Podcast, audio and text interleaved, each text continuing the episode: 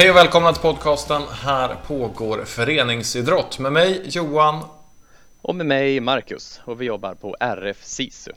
Och i veckans avsnitt så ska vi lyssna till något av en solskenshistoria där två bästa kompisar också blev världens bästa innebandyspelare. Och här för att leverera den solskenshistoria har vi David ifrån Växjö. Välkommen hit! Ja men tackar, tackar. Ja, solsken. Jag, jag gick ifrån den här intervjun med ett stort leende på läpparna.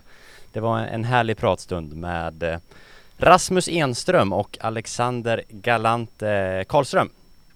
Eh, från eh, ja, svenska innebandylandslaget och Falun. Där de lirar i, till vardags. Ja, de har haft en ganska framgångsrika karriärer kan man ju lugnt säga. Precis som du var inne på Marcus så har ju båda två eh, utsetts två gånger vardera dessutom till världens bästa innebandyspelare. Ja, och så här.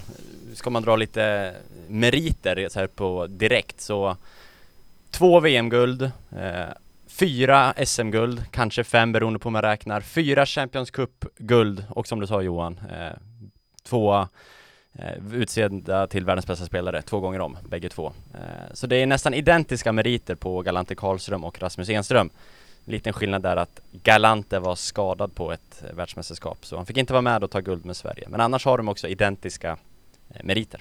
Hur känner ni inför det här avsnittet då där, eh, där Galante Karlström och Enström är uppvuxna i Västerås, liksom du David? Mm men har gjort sig egentligen ett namn i Falun där du Johan är uppvuxen. Vem, vem eh, känner sig stoltast över det här av er två? Jag tror att vi känner oss ganska stolta båda två på något lite fånigt sätt. Eh, men eh, det är klart att jag ser de här två som Faluprofiler helt i liksom klass med Sanna Kallur i stort sett. De har ju varit verkligen de som har satt Falun ordentligt på innebandykartan när det gäller herrsidan. Eh, man var ju väldigt framgångsrika på damsidan tidigare men eh, det var ju när de här två tillsammans med några andra västeråsare ska vi ärligt talat säga kom till Falun som man började ta och vinna SM-guld. Och de har ju vunnit fem SM-guld de senaste åtta åren eh, i Falun. Så det är klart att jag ser de här som Faluprofiler. Ja, det är ju, det är ju fel såklart. Det är ju Västerås, Västerås i i blodet och det är Västerås som gäller. Eh, hade inte Falun varit och gjort en shoppingrunda i Västerås där i, i mitten på 2000-talet så hade ju Västerås varit en ledande innebandystad i, i Sverige. Men så blev inte fallet utan istället får ju dalmasarna, ja de kan ju, kan ju få tro att det är deras eh, spelare men vi som är från stan vi vet att eh, Galante och eh, Enström att det är västeråsare. Ja, självklart.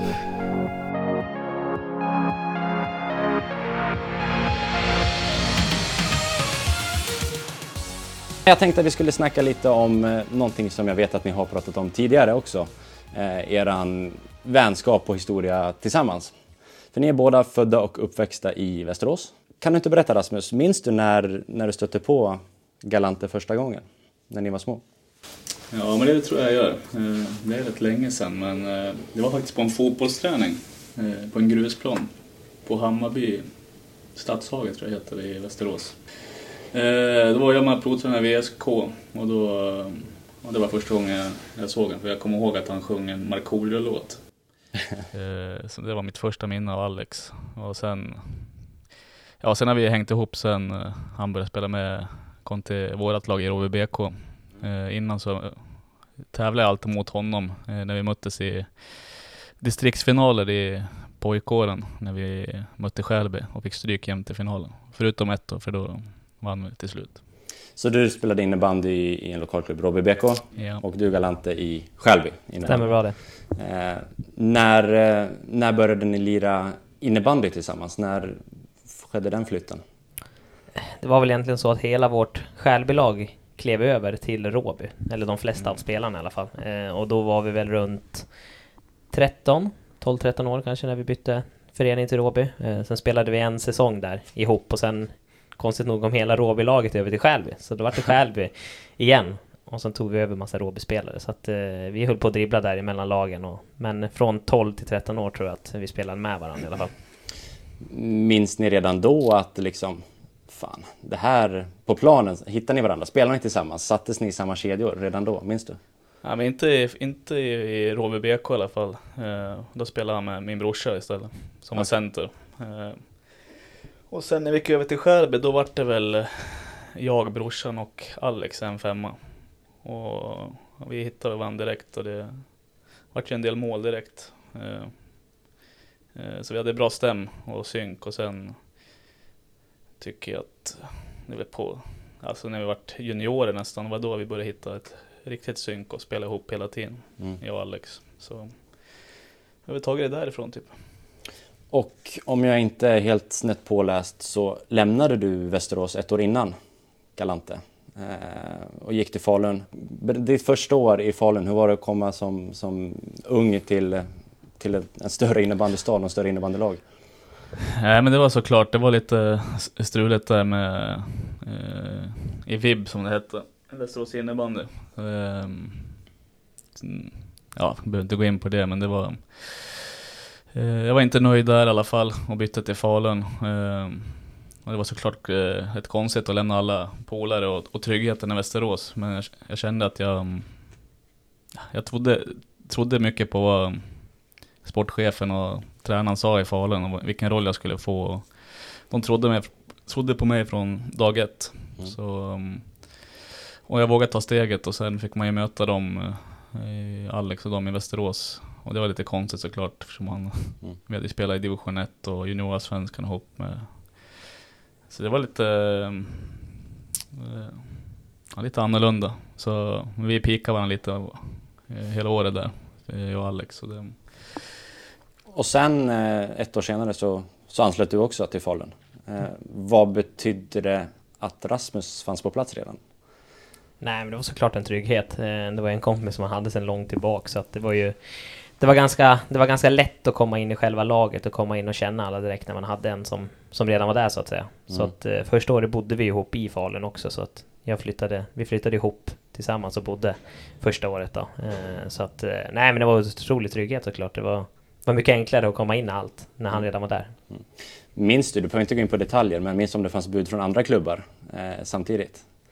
Ja absolut, jag valde mellan olika klubbar. Jag var, jag var och hälsade på Varberg mm. bland annat och så fanns det några till i bilden då men det kändes som om Falun var ganska bra geografiskt sett också. Det ligger ju trots allt bara en och en halv timmes bilresa från Västerås så det kändes, kändes rätt rent geografiskt. Och hur mycket betyder han som sitter bredvid dig att han, att han faktiskt var där i, i det totala beslutet? Ja, men det ska man säga. Det var ju nästan allt. Ja. Förutom det geografiska då, som ja. spelade in också. Men det var, nej såklart otroligt, otroligt mycket spelade in. Eh, om bara tänker stort Rasmus, ni var unga när ni flyttade till, eh, till Falun, eh, mm. fick efter ett år ja, varandra och bo tillsammans. Men livet utanför planen, det sociala, när ni inte är i hallen liksom. Hur mycket påverkar det en, en ung spelare tror du? Nej men såklart otroligt mycket. Eh, sen hade väl jag rätt flyt när jag kom till, eh, till Falun, att det var många i min ålder liksom eh, som man kunde hänga med. Kanske inte var så många som hade familjer och det var ett ungt gäng som, ja, men som gillade att träna och spela innebandy. Och, och sen kom ju ja, alla andra västeråsare med Alex och Christian Mattsson och Jack Kvist och sådana där som Eh, var oerhört duktiga spelare i Västmanland som så det var nästan som en Västerås-koloni i, i Falun på, på den tiden. Så det, det var en trygghet för mig också att de kom som, som jag kände bra också. Och dels att hade jag fått lära känna Eh, de med min ålder i Faluns lag som tog hand om mig väldigt bra. Så det, så det var inte så jobbigt. Jag trodde, det var mycket tankar innan jag flyttade att det skulle bli ensamt kanske i början men eh, det flöt på från dag ett tycker jag.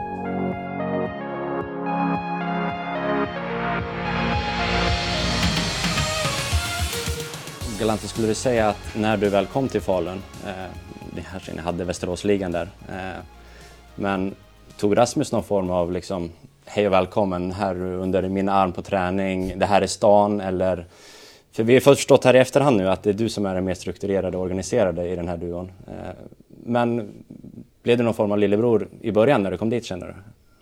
Nej, skulle vi inte säga att Rasmus är den typen. Eh, jag kände väl alltså, jag, jag är ganska bra på att ta plats. Eh, fast jag var ny så har jag inga problem med det. Som han sa så kom jag nästan tillsammans med Christian Mattsson också som, som var 85 Som är 4-5 år äldre än vad vi är själva. Och han bodde ju ett tag med oss också. Så det var väl han mer som, som lagade lite mat och så. Men det var väl mer att ha en trygghet med Rasmus i närheten. Men Han är väl inte, han är kanske inte just den personligheten som, som gör så, men jag känner mig trygg när jag är nära dem jag känner och då, det var mer tryggheten kanske sen Sen hade jag ganska lätt att komma in i laget också med tanke på att det kom fler Västeråsare. Det var inte bara jag utan Adam Fernqvist och, och flera som man kände hemifrån. Då. Ja, ni ska veta, som sagt, för mig som ung Västeråsare, fyra år yngre än er, eh, jag spelade också innebandy. Alltså Falun var ju drömmen. När, när hela Västeråsligan drog dit eh, så var det Falun man ville spela i. Som vad jag nu var, 15, 14. Skitsamma, det hör inte hit. Eh, men efter då, alltså när ni tillsammans i Falun, eh, det ni har åstadkommit med Falun och individuellt och så, det tror jag de flesta inom innebandy vet. Massa mål, massa poäng, massa meriter, jag nämnde dem. Eh, världens bästa spelare bägge två. Och ganska så ofta så har ni assisterat varandra och den ena assist, den andra mål i princip. Vad tror du Alex att, att vänskapen betytt för spelet på planen? Att ni känner varandra så bra. Har du blivit en mycket bättre innebandyspelare av det? Ja, det tror jag absolut. Eh, det har ju gått lite hand i hand. Vi har, vi har ju alltid spelat med varandra, så det har blivit så alltså, utanför plan känner man jättebra varandra och på plan kan man ställa höga krav på varandra också. Det, det tror jag är viktigt. Eh, att vi har kunnat göra på varandra. Eh, att det, det, finns, det är inte lika lätt att säga till någon man inte känner lika bra att du, sätt den på bladet för fan, för jag vill göra mål. Mm. Det kan man säga rakt ut, för jag vet att Rasmus inte tar det som negativt, utan han vill bara att jag ska ha den bättre passningen helt enkelt. Och det, det tror jag är viktigt att kunna ställa sådana krav på varandra utan att kunna hitta, eller bli förbannade på varandra. Och det har vi gjort hela tiden. Vi har väl triggat varandra. Mm. Och sen har det blivit så, har jag sett att Rasmus är högt i poängligan, då vill jag också vara där. Och han sett att jag är där, då vill såklart han också ligga högt. Så det har ju blivit att man har drivit på varandra hela tiden och det... Jag tror att den drivkraften har gjort att vi har gjort så mycket som vi har gjort ändå i våra karriärer. Mm. Ni är ju ett väldigt, väldigt tydligt radarpar inom innebandy, kommer bli ihågkomna när ni lägger klubban på hyllan som ett radarpar tror jag. Eh, och det finns ju radarpar i alla idrotter, alla bollidrotter. Tror du Rasmus, kan man bli, om du får tänka stort, tänka vitt, kan man bli ett radarpar utan att Alltså att inte gilla att umgås vid sidan av planen?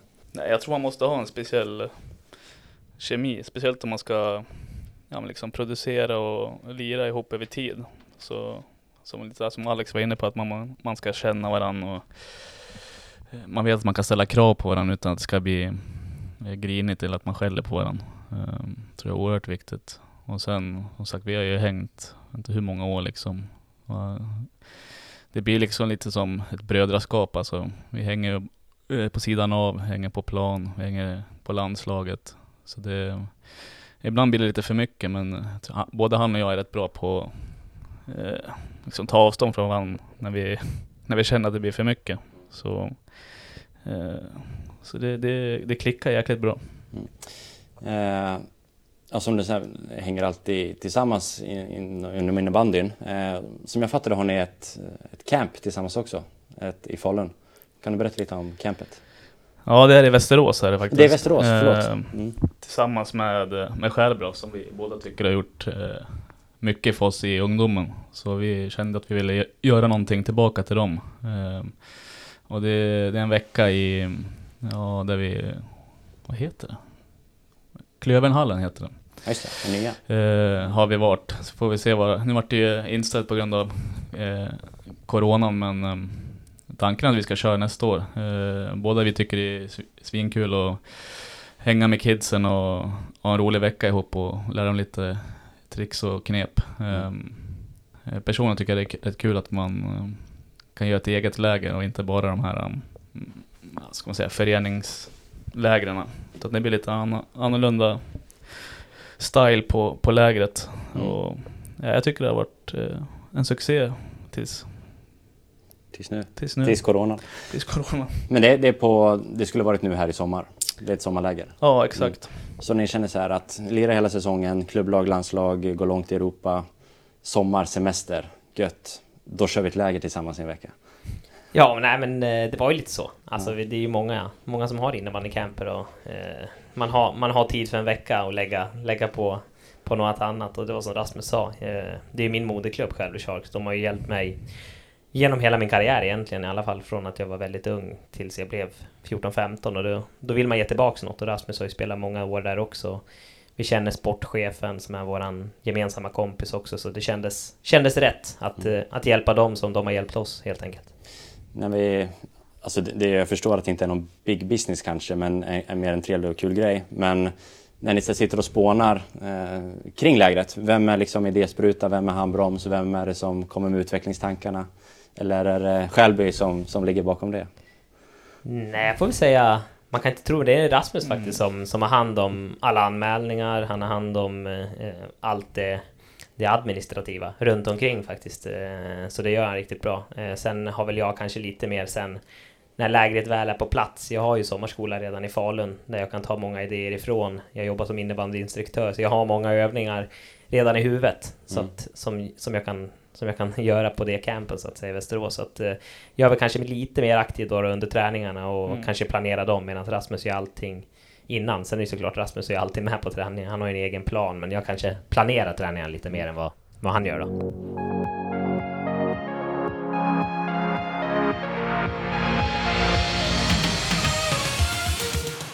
Om vi kollar på innebandy Rasmus så har vi ju en, för, eller en säsong som avbröts rätt abrupt av coronan. Eh, Falun tilldelades visserligen guldet men mer på pappret.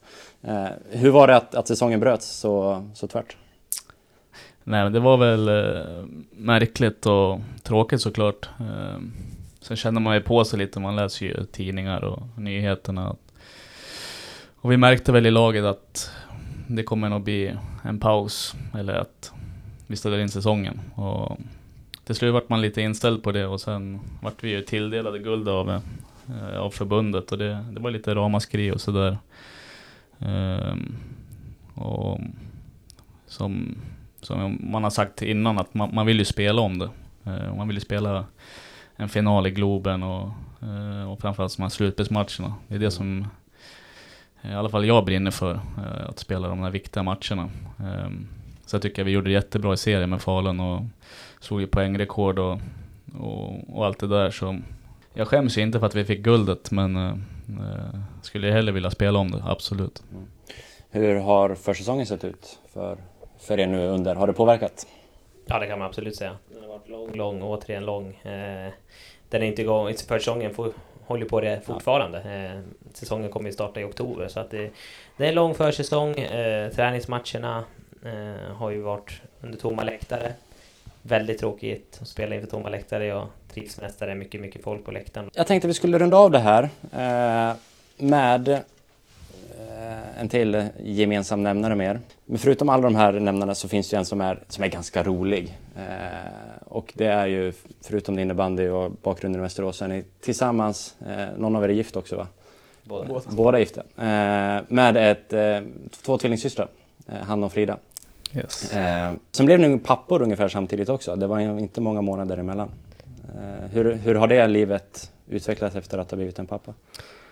Nej, men det har utvecklat till att man har inte tid med allting här i världen. Eh, man har inte tid med sina saker som man vill göra. Man vill åka och fiska, man vill ibland spela golf och det är klart att det, det måste man stå över ibland. Men har ju en otrolig fru också som hjälper till med. Hon är förskollärare och utbildad det så att hon har ju verkligen koll på allting som sker runt omkring och hon hon gör så att man ändå kan göra sina saker. Hon, hon ställer upp otroligt mycket och det gör ju även Rasmus fru såklart också. Så att eh, de är otroliga på det sättet. Så vi har svärföräldrarna som har flyttat till Falun från Köping där de är ifrån då och hjälper till otroligt mycket där omkring också. Så att eh, jag ska inte klaga. Vi har det jättebra. De hjälper till och stöttar en hela tiden och hjälper till när man, mm. man vill iväg på någonting. Så att det, det är inget att klaga på där, men det är klart att det, det tar krafter ibland då när barnen ska vakna runt mina barn har varit väldigt tidiga. Raknar runt fem och man ska bort på en bortamatch. Och, eh, det är lite slit men eh, det har man valt själv att sätta runt i världen så det är bara, det är bara att leva med det helt enkelt. Är era barn kompisar? Ja, de hänger eh, nästan mer än oss. De är... Ja, men de eh, gillar att leka, speciellt kanske de två äldre. Sen eh, småttingarna börjar komma, börjar bli människor också så eh, de är också där och i full fart. Ett nytt radarpar kanske? Några utav dem? Ja, jag, hopp jag hoppas att uh, de yngsta kan bli det kanske. Ja. Uh, de äldre blir svårare som Max en grabb och IS en tjej. Men... Om 10-15 år kanske de lirar tillsammans i någon, i någon sport? Ja, man vet. Du, sista, absolut sista frågan. Jag tänkte ställa till er båda. Uh, hade ni blivit så här bra på innebandy om ni inte hade haft varandra? Eh, svår fråga. Nej, inte kanske. Jag tror inte jag skulle bli eh, så här bra utan Alex faktiskt. Eh, bra hade jag säkert kunnat bli, men kanske inte eh, Ja men liksom att man, som jag har gjort, vi har vunnit rätt mycket liksom. Eh, både individuellt och ihop. Så han är ju såklart, vi har varit inne på det förr, men såklart han har ju pushat mig till ta ännu fler gränser liksom. Så ja, men då säger jag nej på den frågan. Något, något annat svar? Nej, ty tyvärr inte. Det är Tråkigt att säga samma sak. Nej, men det, det är väl klart. Jag hade ju nog gjort mycket mindre poäng än vad, än vad jag skulle kunna gjort innan. Sen vet man ju, det är svårt att sia, sia om vad man hade varit, i vilket lag och så, men det, det tror jag nog inte att man hade varit lika framgångsrik på en, poängmässigt i alla fall. Alexander Galante Karlström, Rasmus Enström, tack så jättemycket för att ni ville vara med. Tack. själv.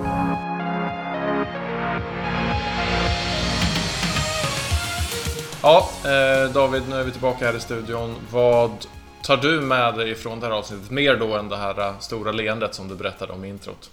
Ja, men jag går ju och, och myser fortfarande och jag gör ju det för att jag, för som jag sa, jag tyckte det var så pass trevlig pratstund ändå med de här två världsstjärnorna som de ändå är i sitt gebit. Eh, kanske några av historiens eh, bästa innebandyspelare. Eh, man såg ju verkligen eh, den här eh, vänskapen och det framgår inte riktigt i poddformat men eh, ibland, alltså de ut, utböt blickar, vem ska svara på den här, hur ska vi svara?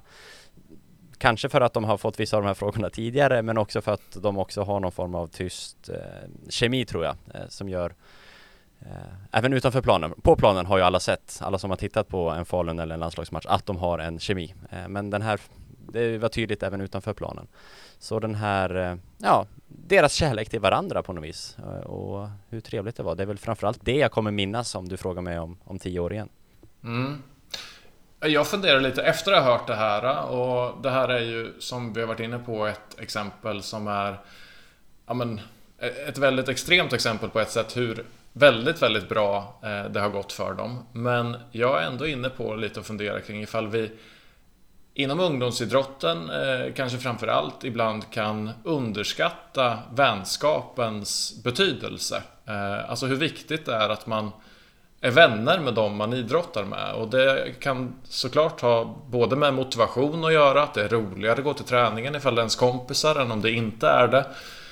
Eh, men också i liksom tryggheten det skapar att Som de är inne på själva också, de säger att men det är lättare för mig att bara säga att men hallå, gör så här istället för att Det är lättare att ställa krav på varandra när man faktiskt har en relation som är lite djupare än bara eh, det som sker ute på eh, idrottsplanen eller idrottsarenan. Jag, jag kommer också ta med mig det att jag frågade om om det var några frågetecken för Alexander, eller från Galante då att för han gick ju ett år efter Rasmus Enström till, till Falun och frågade om det om det var självklart att han skulle välja Falun. För han hade ju, han berättade det, han hade ju flera olika alternativ. Det var Varberg och det var väl några till som han fick, fick välja på. Men det var givet att det var eh, Falun som skulle väljas och eh, att, eh, att Rasmus Enström fanns på plats där eh, det var tydligt att det betydde mycket. Så, så vänskapen, som du säger, eh, trygghet otroligt viktigt för, för alla idrottare, men framförallt kanske när man är i de där kritiska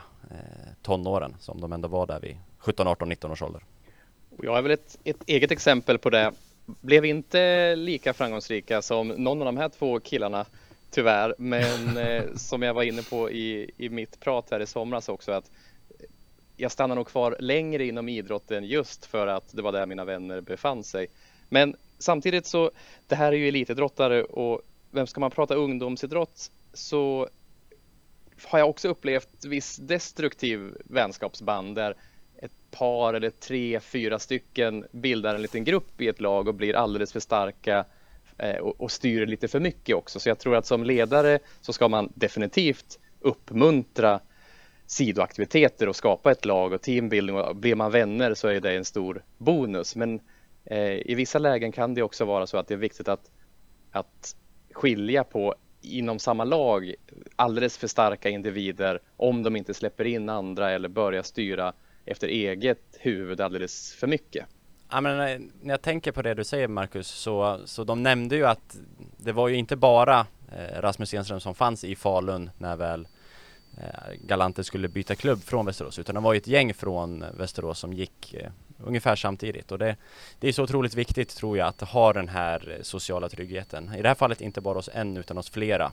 Sen hakade väl just eh, Galante och Enström på varandra lite extra eh, och har, förblev så genom elitåren här också och är fortsatt så idag. Så ja, det är bara att skriva under på det. Den sociala tryggheten är viktig. Ja, nu kan ju folk tycka att ja, men nu tar ni ett eh, extremt exempel eh, och eh, sen så liksom vrider vi på det. Men det, de här är ju väldigt talangfulla idrottare som kanske hade blivit lika bra ändå. Men de säger ju båda två i slutet att de tror inte själva att de hade blivit lika bra om de inte hade varandra på själva idrotten. Så det är ju en del av liksom bevisföringen eller vad vi nu ska kalla det. Men en annan är ju också de eh, studier som görs på eh, goda idrottsliga utvecklingsmiljöer som vi har pratat om i tre olika avsnitt egentligen eh, i den här podden tidigare eh, med eh, PG Fahlström och med Mats Glemne. Eh, där man ju också pratar väldigt mycket om att den sociala aspekten är väldigt, väldigt viktig när man tittar på eh, idrottsmiljöer som är bra för idrottslig utveckling. Jag håller med och det var ju, jag hade ju äran att få prata med Mats i avsnitt 69-70. Det var ju senaste när vi pratade om de här avsnitten och vi har haft flera gäster i podden som har kommit in på det, att se människan först eh, innan du ser, ser idrottaren då som tips till, till tränare och man kan väl bara gissa att, eh, att tränarna som Galante och Enström har haft har, har gett möjligheten för dem att att också kunna förbli vänner och kunna umgås på och utanför planen. Ja, det är ett, ett samspel att, att se, se helheten och se människan för att genom att trivas så blir man också bättre.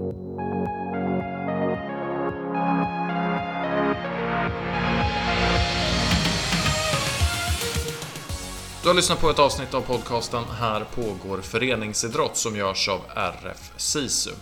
Vill du komma i kontakt med oss som gör podden så gör du det enklast via Instagram. Där heter vi Här pågår föreningsidrott ihopbundet till ett ord. Och vi vill jättegärna att du fortsätter på sociala medier att använda den hashtag som vi introducerade i somras nämligen hashtag idrottsliv, när du lägger upp olika typer av eh, inlägg som har med ditt idrottsliv att göra. Du kan också mejla till oss, då använder du adressen podd rfsisu.se. Vi är tillbaka igen med ett nytt avsnitt nästa vecka. Hoppas vi hörs då.